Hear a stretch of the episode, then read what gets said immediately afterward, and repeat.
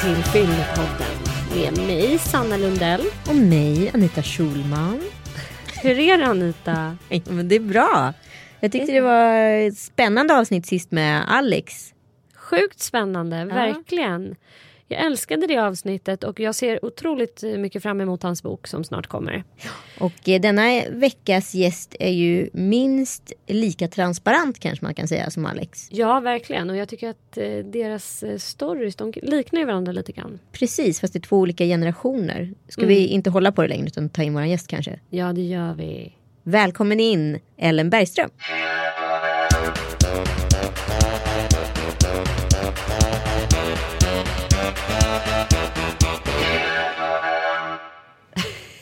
Ska vi släppa in gästen Anita? Ja, det tycker jag verkligen. Vi kan ju inte sluta prata uppenbarligen. Nej, verkligen inte. Det lät som ni skulle släppa in ett odjur. Det är det ju. Nej? Välkommen Ellen Lisa Maria Bergström! Oj, du har googlat upp hela mitt namn. Det har jag aldrig hört någon gång. Eh, Tack. Fan vad kul att Vad du är roligt att du är här. här. Jättekul att jag fick komma. Jag har också googlat mig till att du fyller år en dag efter mig. Är det sant? Så En du fyller år den sjätte? Ja. Yeah. Herregud. Ja, gud. Och min första bästa tjejkompis var också skorpion. Hon är exakt som ni två är. Va? Är Fan vad sjukt. Hur, vad är du då Anita? Jag trodde du var skorpion också. Vad gissar du? Men vad är du då? Säg då. Tvilling? Nej, jag, jag kan ingenting om det här. Nej jag vet inte, det är svårt. Jag trodde verkligen du var skorpion så jag kan tro att du är ett Oxe, kräfta. Kräfta. Ja, vattenjävlar! Jag sa ju det! Jag har koll. Jag kan verkligen Same, same but different mellan oss kan man säga. Annie är också kräfta ju. Ja. Jag har bara kräftkompisar och fiskar. Vi ska inte, det här är inte en podd som handlar om stjärnorna och stjärntidning. Det här är Fyllepodden eh, är det ju. Ja, och Jaha, den jag gör trodde jag var på stjärn... Podden. Ja, Ja. Men då kanske jag ska gå ut då. I rummet bredvid. Ja. Tänk att ha en sån podd. Ja men eh, fyllepodd. Verkligen bra idé. Vi ställer in till Acast direkt här. Alltså folk skulle ju lyssna. Jag tror du skulle göra det. Garanterat. Ellen, vi är superglada att du är här. Bara för några veckor sedan, eller någon vecka sedan, så gick du ut eh, i, på Instagram Mm. och pratade om dina egna alkoholrelaterade problem eller vad man ska säga. Kan du berätta lite grann? Nej men jag såg på Therese eh, Lindgrens video och eh, jag blev väldigt berörd över att hon vågade berätta det här som, eh, som förebild. För mig så har det varit väldigt tabubelagt med alkohol eh, överlag eh, att prata om det. Jag tror mycket beror på att jag eh, har växt upp liksom med alkoholism. Ehm, så för mig så har det varit väldigt, väldigt förbjudet. Alltså för mig att bara ta en bild och lägga upp på Instagram där det finns alkohol med på bilden har jag haft väldigt svårt för. Eller jag reagerar på det direkt. Eh, så när hon då la upp den här videon och delade med sig så kände jag så här, men då kan jag också göra det. Då kan jag också dela med mig och, och berätta. Eh, så då skrev jag ner eh, mina tankar helt enkelt. Och mitt hjärta pumpade jättehårt när jag skrev det. Väldigt eh, känsligt ämne för mig. Och jag skrev och berättade ja, hur jag upplever att alkoholen har påverkat mig och eh, att jag faktiskt har ett problem med det. Liksom. Och hur har den påverkat dig? Alkoholen har påverkat mig på det sättet att jag, eh, jag känner mig kontrollerad på ett sätt utav alkoholen. Att jag känner att jag inte kan sluta även om jag vill sluta på något sätt. Fast ändå så kan jag det. Jag vet om jag verkligen, verkligen bestämmer mig. Men då krävs det otroligt mycket för att jag ska klara av det. Som exempel. Nej men det kan vara för kanske fyra, fyra år sedan så bestämde jag mig för att vara nykter i tre månader och det klarade jag av. Ehm, och då ska jag även tilläggas att jag jobbade i Sälen som säsong, säsongare. Så det var, det var ganska tufft faktiskt men det klarade jag. Ehm, och sen har jag försökt göra det här efteråt. Eh, försökt vara nykter eh, men inte varit lika beslutsam. Och då har de gångerna så har jag inte klarat det. Och då har jag väl till slut liksom bara släppt det. Och bara, äh, skitsamma jag bara kör min grej, jag får göra vad jag vill typ. Eh, för jag tror att mycket har grundats i just eh, eh, den här respekten jag får alkohol sen, eh, sen min barndom och sen när jag var yngre. Men när du bestämde dig för att du skulle ta då tre månader vit eller vad man ska säga. Mm. Vad var det som föregick det beslutet? Det var faktiskt i samband med träning den gången. Eh, hade en PT som tyckte att det kanske inte var så bra att komma bakis till träningen. Att jag, inte, jag utvecklades inte så snabbt som man hade hoppats. Och då sa han det, bara, vi tar i hand och så är du nykter i tre månader.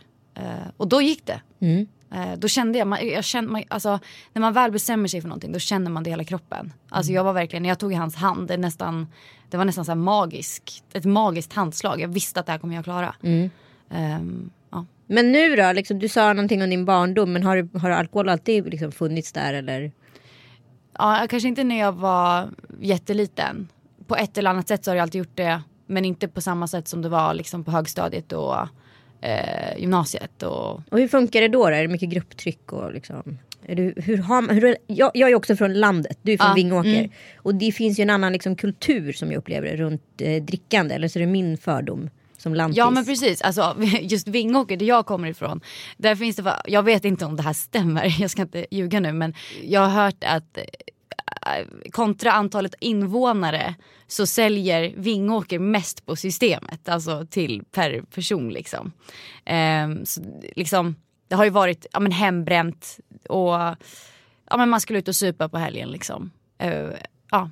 Och hela loven också supa. Ja, Liksom. det handlar mycket om att man ska dricka. Och Ja, sammankomster runt att bli full och bli jättefull. Mm. För det är det som är syftet med alkohol, i alla fall som jag upplever det på landet. Ja, jo men så, man skulle ju bli dyngpackad, det var ju coolt att bli full. Ja, Alltså jag... spydde flera liter.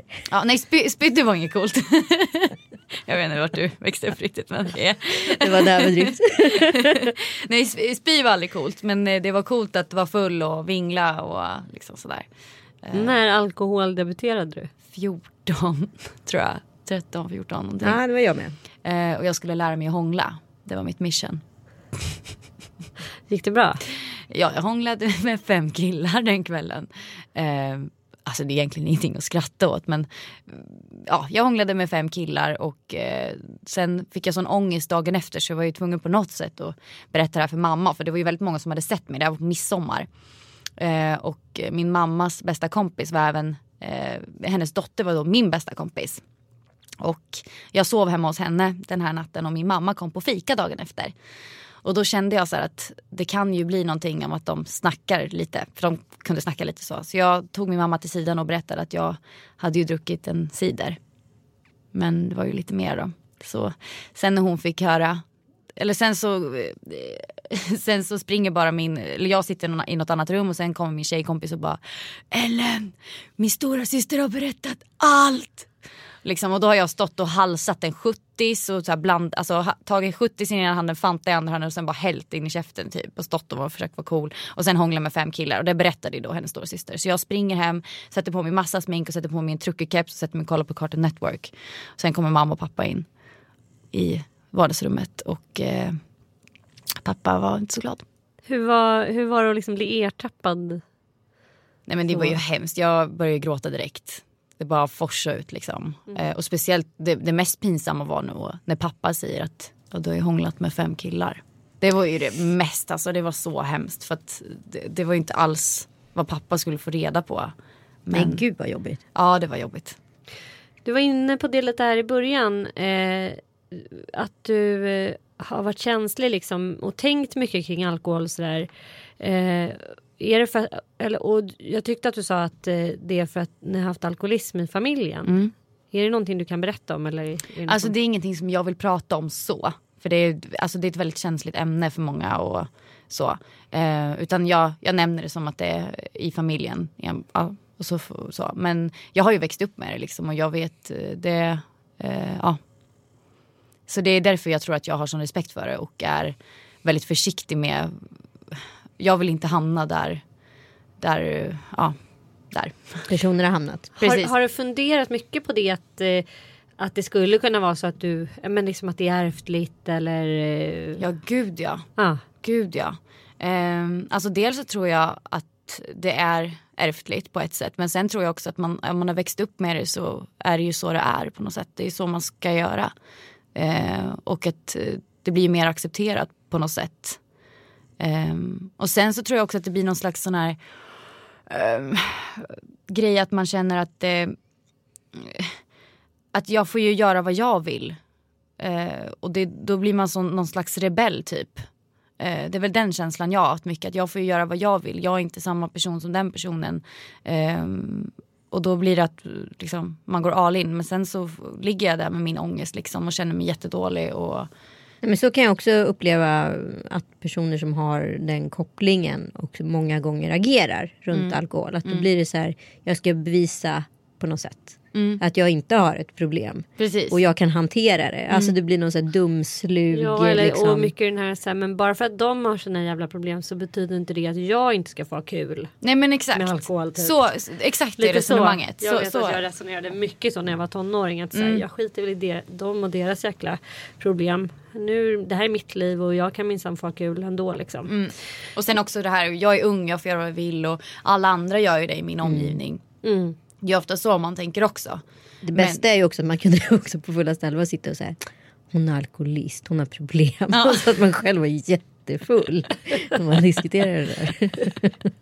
Men Ellen, när du var öppen med det här på Insta och Mm. eh, du sa ju ganska tydligt att jag har också alkoholproblem då, Mm. då och relaterade till Therese Lindgrens eh, video på Youtube. Eh, men vad, vad gör du? Har du liksom någon plan för hur du ska komma till rätta med den här problematiken eller är- har du någon Förstår du hur jag tänker? lite Ja gud. Ehm, när det kommer till alla problem som jag tror att jag har haft i livet som handlar om tankar och ångest och så här. Eh, ofta så, precis som jag skrev i inlägget, så försvinner det ganska fort. Jag är väldigt duktig på att sopa under mattan liksom. Eh, och jag har väl, alltså det var, det var just, det är just därför jag har varit så rädd för att skriva om det här. För att jag vet inte om min tanke om att jag har alkoholproblem, om det handlar om mina tankar från, alltså vad ska man säga, mina, mina tidigare erfarenheter, alltså det jag, hur jag växt upp och så här, om det är därför jag känner att jag har problem. Att jag inbillar mig att jag har problem. Eller om det faktiskt är så att jag har det. Och det, det är väl där eh, som jag bara, nej men jag har- så intalar mig själv att jag inte har problem. Men eh, Du kanske skulle göra alkoholprofilen? ja, ska jag göra den med er nu? Ja, ska vi Okej. göra den? Ska vi göra den? Ja vi gör den. Ja, för att eh, den är ju faktiskt skitbra. Ja men vi kör. Eh, om man är lite så här Osäker. osäker och känner att det skulle vara spännande. Det är 14 enkla frågor. Alkoholprofilen är alltså en, ett test kan man säga som IQ har tagit fram. För att man ska kunna få lite hum om hur man ligger till med sin egen alkoholkonsumtion. Och det är inget, det är inget moraltest. Nej. Utan det är snarare så här, ha koll på dig själv. Test. Ja nej men absolut. Har det hänt under det senaste året att du inte har kunnat sluta dricka när du väl har satt igång? Ja. Och då är det svaren så här aldrig, mer än en gång per månad, varje månad, varje vecka, dagligen eller nästan varje dag. Varje vecka. Då kommer nästa fråga. Hur ofta under det senaste året har du låtit bli att göra något du borde ha gjort för att du har druckit? Typ gå och träna eller gå, gå och vara i tid till jobbet. Sådana saker. Varje månad. Har det hänt att du har druckit alkohol dagen efter för att komma i balans? Nej. Nej. Alltså det har varit någon gång utomlands liksom. Typ på skoj. Ja, men nej. Så nej. Har du haft dåligt samvete eller skuldkänslor på grund av ditt drickande? Eh, varje månad. Har du haft någon minneslucka det senaste året? Ja varje månad. Har du själv eller någon annan farit illa på grund av att du har druckit? Det kan ju vara att man råkar låsa ute någon eller att man så här, fyller smsar. Alltså bråkar med något som man kanske i vanliga fall inte skulle bråka. Alltså det kan ju vara precis. Jo men det, det har väl hänt. Vad var det? En, Nej, ja men inte det senaste året eller ja under det senaste året. ja under det senaste året. Har någon annan oroat sig för hur mycket du dricker eller antytt att du borde dra ner? Nej, ja men inte senaste året eller ja under det senaste året. Ja under det senaste året. Hur mycket dricker du en kväll när du upplever att du dricker mycket? Och då ska man tänka på en typisk kväll när du dricker mycket och så markerar man först dryck och sen antal glas i listan och om du aldrig dricker mycket utan bara måttligt så klickar man på nästa och går vidare.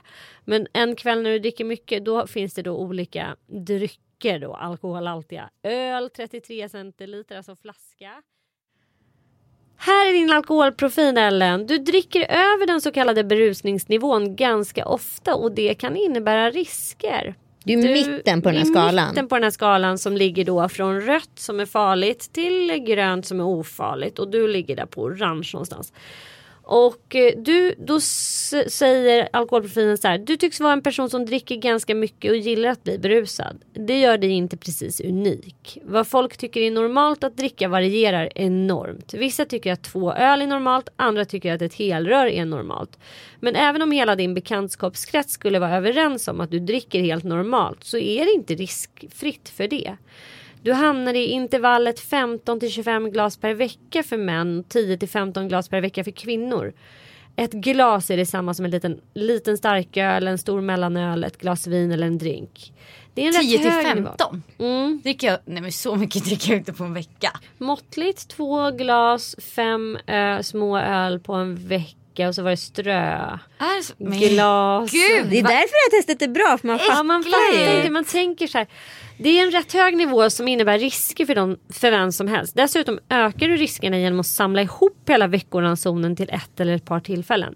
Det är alltså bättre att sprida ut drickandet än att hälla i salt på en gång. På en gång. Åh men gud Du verkar tips. haft Tack jag ska börja dricka hemma nu då varje dag istället. Det står också så här. Du verkar ha haft en eller annan dålig erfarenhet av att dricka. Var och en väljer ju själv vad man är beredd att genomlida för att få vara full. Men det kan i alla fall vara något att fundera över. Men det är ju ungefär exakt precis där du är. Ja. Och känner och Ja, funderar över. faktiskt. Alltså det går ju helt eh, Ja, jag, ihop med ditt jag resonemang. tänker ändå så här, du, du är 20, alltså om du är född 89 då är Jag du, fyller 27. du fyller 27. Och jag blir ändå väldigt eh, imponerad över att du som, för du befinner dig också enligt all forskning i, ett ålders, i en ålderskategori som bara genom sin ålder är högkonsumenter. Väldigt många i din ålder är högkonsumenter och dricker liksom i, på den här nivån som du gör. Så det är ingenting som är avvikande för just din ålderskategori. Nej. Men det som jag tycker ändå är väldigt fascinerande det är att du ens har börjat fundera så mycket och eh, att du resonerar med dig själv och att du kan koppla till att du dricker ibland för att du har ångest.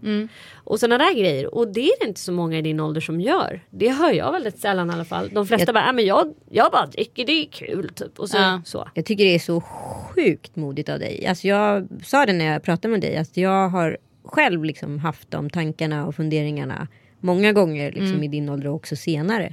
Men det har ju varit så skamligt så att så här, jag skulle aldrig våga lyfta på locket. Jag tror du liksom gör en sån jävla tjänst till så många tjejer framförallt också. Mm, killar, killar framförallt faktiskt. Det har varit fler killar som har, alltså tjejer har vågat kommentera öppet på min Instagram. Men det är ju flest killar som har hört av, har, hört av sig anonymt, alltså inte anonymt men inte skrivit det öppet liksom. Jättemånga eh, som har gjort det.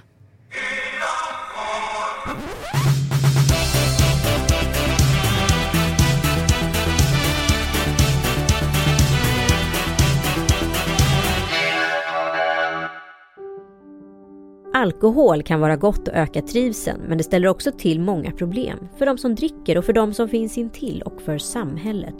För att det ska finnas en motkraft och för att människor ska reflektera över sitt drickande finns den idéburna organisationen IQ. Vill du veta mer? Kolla in iq.se. Men du Ellen, jag tänker på ditt eh, Insta-inlägg. Har det givit dig några negativa konsekvenser tycker du? Alltså jag har ju fått, jag vet ju att det här bara är av välmening. Men jag har ju fått många så här, eh, ja men att många har dragit en slutsats själv över det jag har skrivit och bara du har problem, du måste gå och ta hjälp, du ska gå och hitta hjälp här. Du vet, och det är väl det jag, eh, jag vet att det är bara välmening men för mig så bara så här, jag bestämmer själv om jag har problem eller inte, typ så känner jag tror jag. Men vad har, du liksom för, vad har du satt igång för nya tankar runt alkohol? Kommer du vara helt vit eller hur kommer du Nej, göra? nej, det, nej. Och det var det jag också, det var därför jag typ inte ville skriva det för jag vet att jag inte kommer vara nykter. För innerst inne så inser väl jag att jag kanske inte har så stort problem som mitt huvud säger. Jag tror att jag går runt med och bär på väldigt mycket ångest som inte jag har pratat med någon om och inte tagit tag i grejer och sådär. Ehm, så egentligen så vet jag om att för mig så blir det bara så mycket värre än för en vanlig människa. Eller en vanlig människa, jag vet inte om det så finns vanliga människor Nej längre. men icke Alla- mediajobb.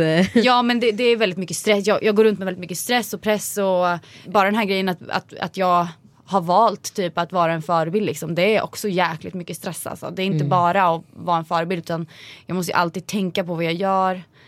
Um, måste alltid tänka ett steg längre och på något sätt så blir det också det här att, precis som jag skrev i slutet på inlägget, att en falsk förebild är ingen riktig förebild. Och eh, det där får man ju brottas med ganska mycket. Vad kan man berätta, vad ska man inte berätta? Eh, för man vill ju fortfarande vara en människa och inte bara någon som bara är helt perfekt som någon ska följa efter. För att i slutändan så kommer inte någon vilja följa efter någon som är helt perfekt. Man måste kunna känna lite mänsklighet också. Mm. Och det är väl det jag försöker jobba fram väldigt mycket med min Instagram. Att jag inte lägger upp några perfekta bilder. Jag lägger inte upp, jag använder inte min systemkamera när jag lägger upp bilder till exempel. Eh, jag lägger upp, kan vara skitfula så här, mobilbilder på en, jag vet inte. ja, men, ver verkligen så här visar att man inte behöver vara perfekt. Um, det är också stress i sig liksom att jag, att jag inte vill lägga upp snygga bilder på mig själv för ofta. Du vet, du vet jag nästlar in mig i det här så långt. Jag fattar att du nästlar in dig i resonemang och lite stor Alltså- på dig själv. Alltså jag, jag- jag är en stor knut tror jag. Ja. Jag läste, jag gick in på din blogg för att jag researchade lite. Ja. Som sig bör. Och eh, då förstod jag att du har slutat blogga. Och att, Så jag blev inte bjuden på Chic-galan. Nej. Men då fick, jag läste liksom, jag, jag backade ju och läste igenom bloggen senaste och, året och, och då var ju du också väldigt öppen med att du har haft utmattningssymptom. Ja. Eh, och panikångest när du skulle spela Snövit och sådär. Och det, där kände jag också så här, wow att du vågar vara öppen med det och att du vågar eh, skriva att så här, då åkte jag in på psykakuten så här, nu måste jag ta det lugnt och vad har det givit för konsekvenser för dig att du är öppen med det? Är det någonting som bara har varit bra tycker du? Har du fått massa kärlek och pepp liksom från dina eh, läsare och eh, följare eller tycker du att det har är det någonting du ångrar att du har varit öppen med? Det jag kan känna många gånger är väl att människor blir så elaka och säger typ ja ah, men hon säger bara så här för att hon, eh, för att hon vill ha uppmärksamhet. Typ sådana saker. Och det gör jag verkligen inte. Alltså jag gör absolut inte för att jag vill få uppmärksamhet. För att för mig så vill jag typ ha mindre uppmärksamhet nu för att jag Gud vilka trötta argument, förlåt. Ja men jag vet. Nej men för mig så bara, jag vill typ inte ha mer uppmärksamhet för att just för eftersom att jag har så mycket ångest och, verk, och har börjat fått så här prestation, väldigt mycket prestationsångest. Så för mig så är det ganska skönt att inte, och inte synas och höras så mycket längre. När jag var yngre så ville jag ju synas och höras hela tiden. Eh, så när jag berättar de här sakerna då är det verkligen, alltså jag kan sitta i tårar och skriva saker. Jag kan sitta verkligen så här, eh, ja men jag är jättekänslomässigt laddad när jag skriver de här sakerna. För att jag verkligen menar det från hjärtat. Och då när någon skriver sådär då blir man så himla, alltså man känner sig så sårad när man har öppnat upp sig. Och för att hjälpa andra och såklart sig själv. För att, att dela med sig av saker hjälper en otroligt mycket mer än vad man tror. Och det är faktiskt, det har jag också fått lära mig, det är att det är faktiskt inte så farligt att berätta saker om sig själv som man tror ska vara hemliga. För vi i Sverige har lärt oss så himla mycket att saker bara ska vara hemligt hela tiden. Ehm, och det gör också att saker blir tabu och allt som man inte får göra, det vill man göra. Alltså, och, och då känner man sig dum och så får man ångest för att man gör saker som man inte borde göra. Och den här gången nu när jag har öppnat upp mig och till, till exempel med den här psyki, alltså det här utmattningssyndromet och allting. På något sätt så hjälpte det faktiskt mig att bara få dela med mig, bara få det ut istället för att gå runt och bära på det inombords. För mig så räcker det inte med att jag bara att jag berättar det för min bästa kompis eller min pojkvän. För mig så måste jag få ut det. Jag måste liksom bara, uh. Men det kan jag också känna igen mig i. Plus att jag tycker det finns något modernt i att vara transparent. Alltså det är ju jävligt mycket svårare att leva upp till en perfekt, eh, liksom, vad ska jag kalla det för, alter ego utav en själv. Som är den där söta tjejen i systemkamerafiltret. Liksom. Nu Ja. är du oerhört söt, det var inte någon sån grej. Men, Nej, men men du jag förstår vad jag menar. du Ja. menar, Men, men ja, det, jag tycker det är supersmart. Skulle jag säga. Men det är klart, alltså man får ju man, man får tåla en hel del och det öppnar ju också upp på något sätt. Man, man visar ju den svagaste punkten man har. Så man öppnar ju också upp väldigt mycket för Ja, eh, folk vet ju vad de ska trycka om de måste. Precis, men jag vet inte varför men det är faktiskt inte mycket folk som trycker på mig. Eh, eller gör det för att jag, jag, jag vet inte, jag är inget, ingen expert på, på så här, eh, psykologi sådär men jag tror att det handlar mycket om att de kan känna igen sig mycket i mig i det jag, det jag lägger upp och när de följer mig. Eh, och att jag gör allting med glimten i ögat och med kärlek typ. Jag tycker du är grym. Alltså shit. Jag var inte så smart Verkligen när jag en var sann så förebild tycker jag. Jag, eh, ung. jag är ganska övertygad om att ditt Instagram-inlägg eh, leder till en större öppenhet och framförallt till att den här frågan diskuteras. Alltså att man Precis. inte bara gör som alla andra alltid har gjort. Utan att man faktiskt börjar tänka själv och fatta egna beslut efter eget huvud och vad man själv vill och vad man själv känner istället för att bara liksom hänga efter alla andra. Men jag blir också lite rädd. Nu kommer min knut här.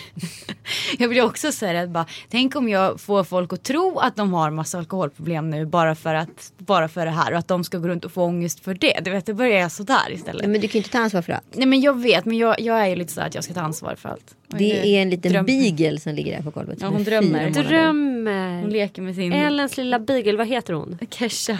Kesha drömmer. Sjukt gullig hund. Med denna snarkande lilla hunds läten ska vi faktiskt avsluta Ja, filmpodden. men vi har några så här obligatoriska frågor Ja. som vi ska ställa. Mm. Ska du börja? När var du full senast? Vad är full då? Nej, men. Vad tyck- när tycker du att du är full? Ja, när jag, när jag sluddrar. Ja, när Ja. sluddrar du senast? Två veckor sedan kanske. Vilket är ditt värsta fylleminne?